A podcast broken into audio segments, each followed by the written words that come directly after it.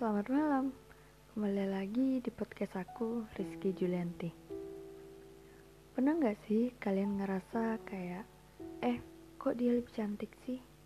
Eh kok dia lebih ini? Kok dia lebih itu? Atau kalian seperti ngerasain hal-hal yang buat kalian ngerasa selalu kurang dengan diri kalian sendiri. Seperti membandingi diri kalian dengan orang lain.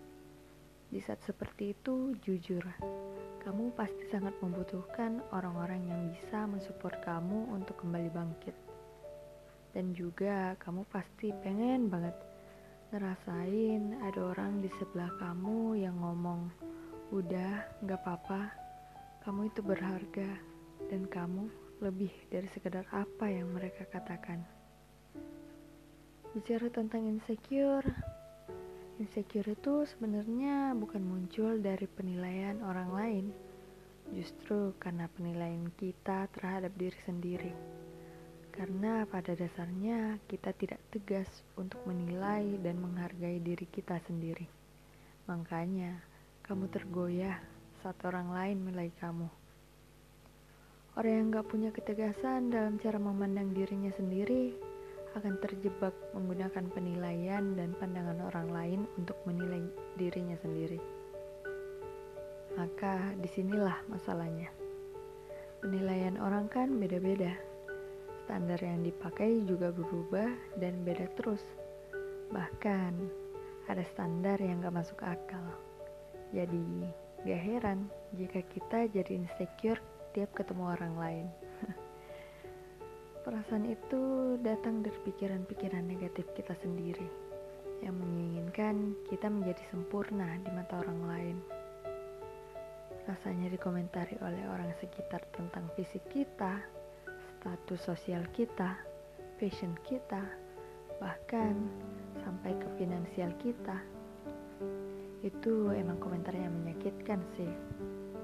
Kadang perkataan seseorang bisa aja langsung meresap ke dalam otak dan pastinya itu membuat kalian down. Pastinya kalian juga sering dikomentari terutama tentang masalah fisik dan fashion kalian yang kayak Eh, kok kamu gendutan sih? Kok kamu kurusan? Kulit kamu kok jadi makin gelap ya? Jerawat di muka kok makin ramai aja? Skincare-nya dikemanain? Pakaian kamu kok itu-itu aja? Dan komentar yang lainnya. Nah, di sini kita harus belajar memilih komentar mana yang pantas diserap otak dan komentar mana yang habis didengar langsung kita buang. Semakin kamu sering mendengarkan cemohan orang-orang tentang diri kamu, ya pastinya muncul rasa tidak nyaman dan rasa tidak percaya diri. Kamu terus-menerus menyerap apa kata-kata orang di sekitarmu tentang dirimu sendiri. Padahal yang lebih tahu tentang dirimu itu kamu, bukan orang lain. Semakin kamu memaksakan diri untuk menjadi apa yang orang lain inginkan, kamu semakin jauh dari dirimu sendiri. Ya masa iya standar kebahagiaan kamu adalah kata-kata mereka. Nanti kalau kamu dijauhi sama orang karena mereka nggak suka penampilan dan fisikmu, tolong jangan benci dirimu sendiri karena dia berharga. Aku mau nanya sama kalian. Pernah nggak sih kalian ngerasa insecure sama orang-orang yang berbuat hal-hal yang baik? Kenapa kalian hanya berfokus kepada komentar tentang fisik dan penampilan? Padahal kalian bisa insecure kepada orang-orang yang berbuat hal yang baik dan kalian bisa membuang semua komentar-komentar tentang fisik dari kepala kalian. Menurutku, kalau kamu insecure kepada orang yang melakukan hal baik, itu juga bisa merubah kamu ke jalan yang lebih positif.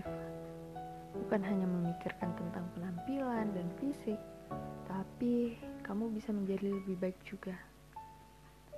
Jujur, melakukan hal-hal yang baik untuk sesama itu sangat menenangkan daripada harus mendengarkan komentar-komentar yang sama sekali nggak penting. Memiliki segalanya bukan jaminan untuk bahagia, sebab mereka yang kekurangan pun bisa bahagia karena rasa syukur yang akan menentukannya. Jika merasa selalu kurang, maka perbanyak syukurmu. Mungkin ada banyak nikmat yang tak kau sadari.